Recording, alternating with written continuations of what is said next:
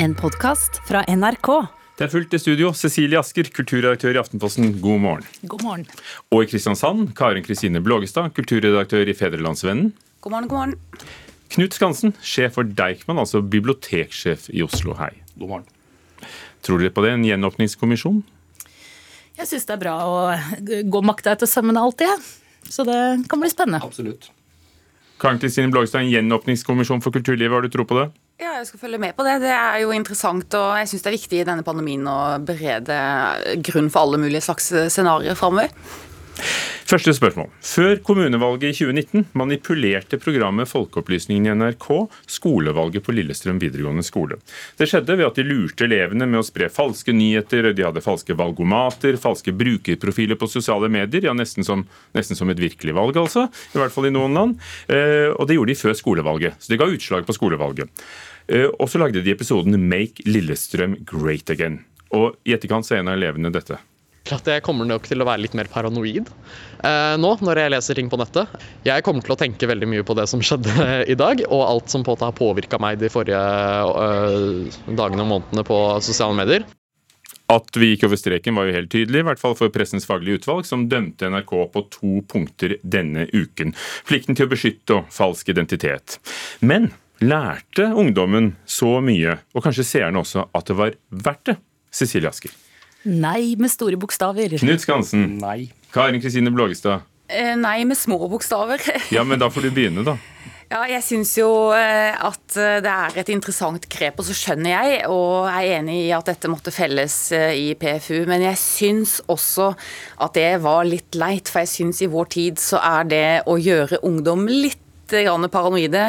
Et godt, et godt, grep. altså Det er litt viktig, rett og slett. At de blir litt kildekritiske. Nei, jeg tenker jo at uh, Absolutt, det er bra at de blir kildekritiske, men her var vel kanskje heller resultatet at de ble forvirra, og uh, at det skapte større mistillit til mediene. Og det er jo noe vi virkelig ikke trenger. Og jeg er jo kjempeglad at ikke Trump hadde kommet over denne historien her, f.eks. Han kunne jo brukt det for alt det var verdt. Så det å bekjempe fake news uh, Vi ser jo nå på det, det kom en undersøkelse fra Medietilsynet i dag som viser at folk trekker til de tradisjonelle mediene når det er store hendelser. Så vi har en viktig oppgave å gjøre, og kanskje ikke å eksperimentere med eh, unges tillit er det vi skal drive med mest. Mm, ja, jeg er veldig enig. Og, og, jeg tenker det er eksperimenteringen som er eh, problemet her. og jeg tenker Folkeopplysningen som program er jo kanskje noe av det beste eksempelet på eh, folkekringkasteren på sitt beste, altså allmennkringkasteren. Det er et fantastisk program i utgangspunktet. Men, og da må du kanskje tørre noen ganger, da? Ja, men, men, det er litt sånn litt som uh, ironi i språket. Hvis du, hvis du, slipper løs ironien, så mister du kontrollen. og Det er det man har gjort her. og Man har mistet litt kontrollen på, på virkemidlet sitt, rett og slett, i forhold til hensikten med hele programmet. Og jeg tror kanskje, jeg vet ikke, men kanskje redaksjonen hadde tenkt annerledes hvis de skulle lagd dette programmet i dag, etter det vi har sett det siste halvåret av hvordan, hvordan ord og handling henger sammen i USA. Hva tror du, Karin? Nei, jeg er jo jeg er enig i dette. Samtidig så syns jeg jo også jeg må få lov til å bruke anledningen til å heie veldig på det programmet. Folkeopplysning er helt fantastisk. Det er modig og intelligent, eh, intelligent program, det er jeg helt enig i. Eh, og så syns jeg jo at noen av de som har hevet seg på kritikken her mot eh, det grepet, de er veldig sånn pompøse og selvhøytidelige på medias vegne. Så jeg, ikke helt, jeg klarer ikke helt å være enig i den indignasjonen som mange i min stand har. Og Vær varsom-plakaten er jo nesten hellig for journalister og for eh, vår stand, men den er ikke hellig-hellig. Altså. Men akkurat i vår tid så er det jo litt skummel øvelse da å presse liksom, eller tøye den strikken litt og, og, leke og eksperimentere med det.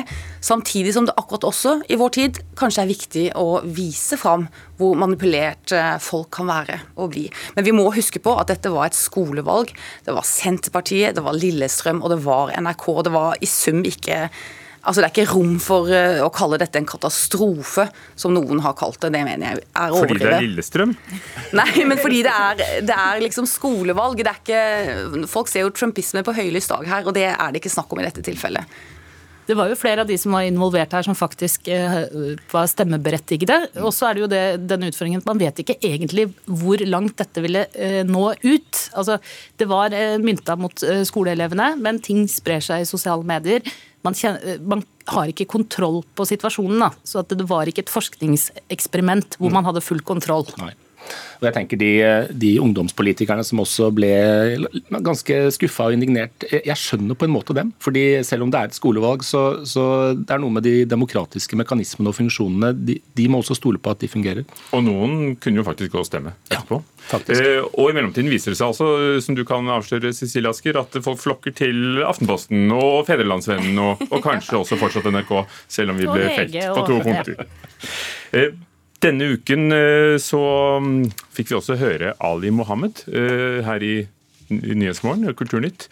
Eh, da han skulle lære seg norsk, så var et av problemene var de faste ord og uttrykkene. Det var virkelig bøygen. Og han tenkte på hva det egentlig betyr å hoppe til Wirkola, ta det helt piano og snakke rett fra levra. F.eks. ny i Norge og akkurat kommet til Norge og er veldig opptatt med det at du ikke spiser gris og alle de tingene der. Og noen sier vet du hva, du har jo griseflaks. Eh, du kan jo ikke sette det i kontekst. Nå har han nettopp laget boken 'Griseflaks' eh, for eh, alle somalitalene som skal lære seg norsk. Men uansett er denne delen av språket for oss alle i ferd med å gå i glemmeboken, Karin Kristine Blågestad? Eh, ja, deler av det. Knut Skansen? Nei, jeg tror ikke det. Jo, jeg tror også deler av det. Heldigvis. Heldigvis? Er ikke dette en rikdom? Det var, det, det var den språkentusiasten som sa her i programmet. Jeg tenker jo at eh, språket skal være i utvikling. da. Så at jeg f.eks. går og sier 'hopper etter Wirkola', eh, som er liksom en hendelse som var ti år før jeg ble født. Eh, er jo litt eh, stagnasjon, så kanskje jeg heller burde ha sagt løpe til Ingebrigtsen, kjøre etter eh, Johaug. Altså, det er viktig at språket er i utvikling, og da skal vi ikke ta vare på gamle ord og uttrykk for enhver pris. Altså, de må ha livets rett. da. Mm. Så hvis det, hvis det utvikler seg naturlig til å bli andre uttrykk, syns jeg det er helt ok. Det er jeg for så vidt helt enig i. Og dette er jo på en måte hverdagsspråkets svar på poesien. Det er den helt ukontrollerte delen av hverdagsspråket og den endrer seg. Og, men grunnen til at jeg tror ikke dette forsvinner med det første, er at uh, veldig mange av de uttrykkene vi har i dag, de er kjempegamle. Altså Snu på flisa, f.eks. Det, det tror jo noen at uh, stammer fra den gang rv. 33 på Hedmark var dårlig og man snudde på flisa og ombestemte seg og kjørte tilbake, men det er jo ikke riktig. Det er ifølge Språkrådet en uh, gammelt uttrykk som stammer fra den gangen man tekket tak med små trebiter og måtte snu på flisa uh, når man satte den feil vei uh, og ombestemte seg. Så uh, Veldig mange av uttrykkene er kjempegamle, og de er jo ikke bare norske. De er jo adundas, f.eks. Stammer jo fra latin. Så, så jeg tror de kommer til å leve. Men uh, Helene Uri har jo pekt morsomt på at noen av de er i endring. F.eks. den uh, smarteste kniven i skuffen og, og eh, fisk i mosen og annet som oppstår. Eller for den, for den saks skyld en bjørnetjeneste forstås som en stor tjeneste. På samme måte som en, en bjørneklem. Akkurat. Kommer det nye uttrykk, Karin? Ja, jeg tror jo jeg er veldig enig med de som eh, har snakket om dette nå før meg. Og jeg er spesielt enig med Cecilie i at det er jo en verdi også at tidens tann på en måte gnager og bearbeider eh, ord og uttrykk litt. At de blir relevante og aktuelle osv. Det er ikke det som forbinder oss til en tradisjon da, som, som knytter et bånd langt tilbake i tid? Altså Ingen som stapper blodpølser med rosiner i enden og, og få tetter husene sine med stry, selv om det visstnok er veldig vanskelig å komme ut av hvis du har først kommet inn i stry? da? Nei, men Det er jo også veldig mange uttrykk som ble sagt her, som er kjempegamle og som vil overleve. og sånn, Men at eh, noen forsvinner litt ut eller tas sjelden i bruk, det tror jeg er naturlig og en del av eh, av sånn det skal være og er. Og ikke bare mister vi noen av de eh, fordi de kanskje mister relevans, men vi får jo også tilført masse nye, altså også fra internasjonale språk, fra engelsk f.eks. Når jeg snakker med mine sønner rundt middagsbordet, så må jo jeg ha deler av samtalen oversatt, for de snakker så mye engelsk og har så mye engelske begrep at jeg ikke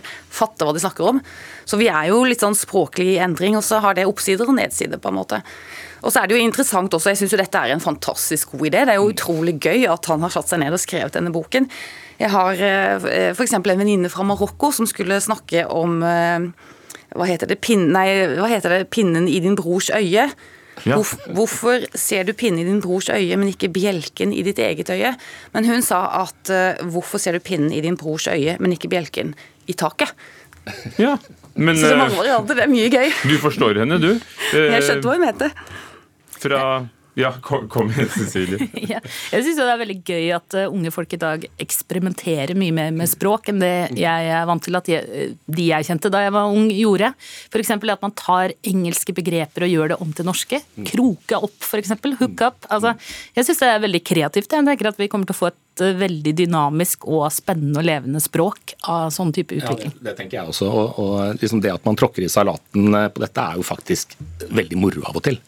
Krunke opp, ja. Det er en søknad til Språkrådet-jobb, det der.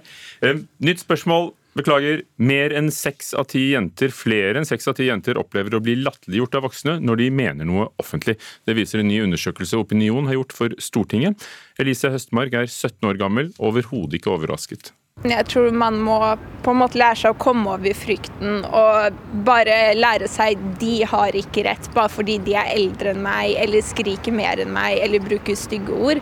Min mening er fortsatt riktig, og jeg har en rett til å si den. Har trollene overtatt samtalen? Nei. Nei. Karen? Eh, nei. Det var jo oppløftende, men altså, tallene viser at folk blir engstelige og får ukvemsord slengt etter seg på sosiale medier. Ja, men det er ikke trollene som, eh, som er problemet, tror jeg. For de er ikke, håper jeg, fortsatt mange nok. Jeg tror det er plattformene og de sosiale medienes dynamikk og anonyme brukere og på en måte det klima som kan oppstå i disse kanalene, som, som legger til rette for, for, det. Så jeg tror egentlig problemet er større enn trollene. og jeg tror ikke det gjelder bare unge jenter og gutter. Jeg tror det, det rammer ganske mange, faktisk, når de, når de bruker disse, disse, mediene. Nå kom det jo i går en veldig interessant eh, rapport fra Institutt for samfunnsforskning som viser at eh, disse såkalte nettrollene selv ikke ser på seg selv som nettroll. Eh, de ser på seg selv som ofre faktisk for den dynamikken som oppstår i disse debattforumene eh, i seg selv. Veldig interessante innsikter. Og jeg tror at vi er nødt til å finne alternative arenaer, ikke minst for ungdom, hvor man kan rett og slett lære å snakke sammen på en ordentlig måte. God folkeskikk eh, er faktisk et godt utgangspunkt. Og, og bibliotekene spiller en ganske viktig rolle her. du synes det, ja? ja Biblioteksjef Knut Skansen. Ja visst gjør vi det. Vi, vi, har ungdomsdebatter rundt omkring i bibliotekene hele tiden. Jeg var på en på Stovner for eh, bare noen eh, uker siden, rett før jul, før vi måtte stenge. Og hårene reiste seg i nakken. Karin Kristin Blågstad, du sitter der i Kristiansand, men nå skal du få komme til ordet. Ja, Tusen takk for det. Eh, jeg er jo enig i eh, sistnevnte tallet her, men jeg vil jo også da, siden han slo et slag for bibliotekene, slå et slag for eh, de redaktørstyrte mediene, hvor debatten redigeres etter beste evne og sånn. Og, men altså, trollene har i for stor grad overtatt disse sosiale plattformene. De stenger ute viktige stemmer. De får i hvert fall veldig mange stemmer til å vegre seg, til å nøle, til å lure på om de skal delta. Mange grupper er veldig utsatt for veldig veldig mye hets, og jenter mer enn mange. Det vet en jo fra tidligere forskning også. Og da har vi jo et eh, demokratisk problem. Men det demokratiske problemet det er mindre hvis eh, flere benytter seg av redaktørstyrte medier. eller plattformene og arenaene til biblioteket f.eks. Og fra en redaktør til en annen. Så jeg stiller meg helt bak det. Eh, det er utrolig viktig at vi ikke aksepterer at den offentlige samtalen har kollapset, for det har den ikke. Men vi har mange problemer. Ekkokamre, vi har filterbobler. Det er en viktig oppgave for oss å sørge for å sikre oss flere unge stemmer, og ikke minst kvinner og folk med flerkulturell kompetanse, minoritetsbakgrunn, ulik type sosial bakgrunn. Eh, det må vi jobbe med i mediene. Vi må ikke ta raskeste, enkleste løsning og bare velge han eh, hvite mannen på 50. Er vi en filterboble her? No, noen vil si det. Noen vil si det, ja, ja.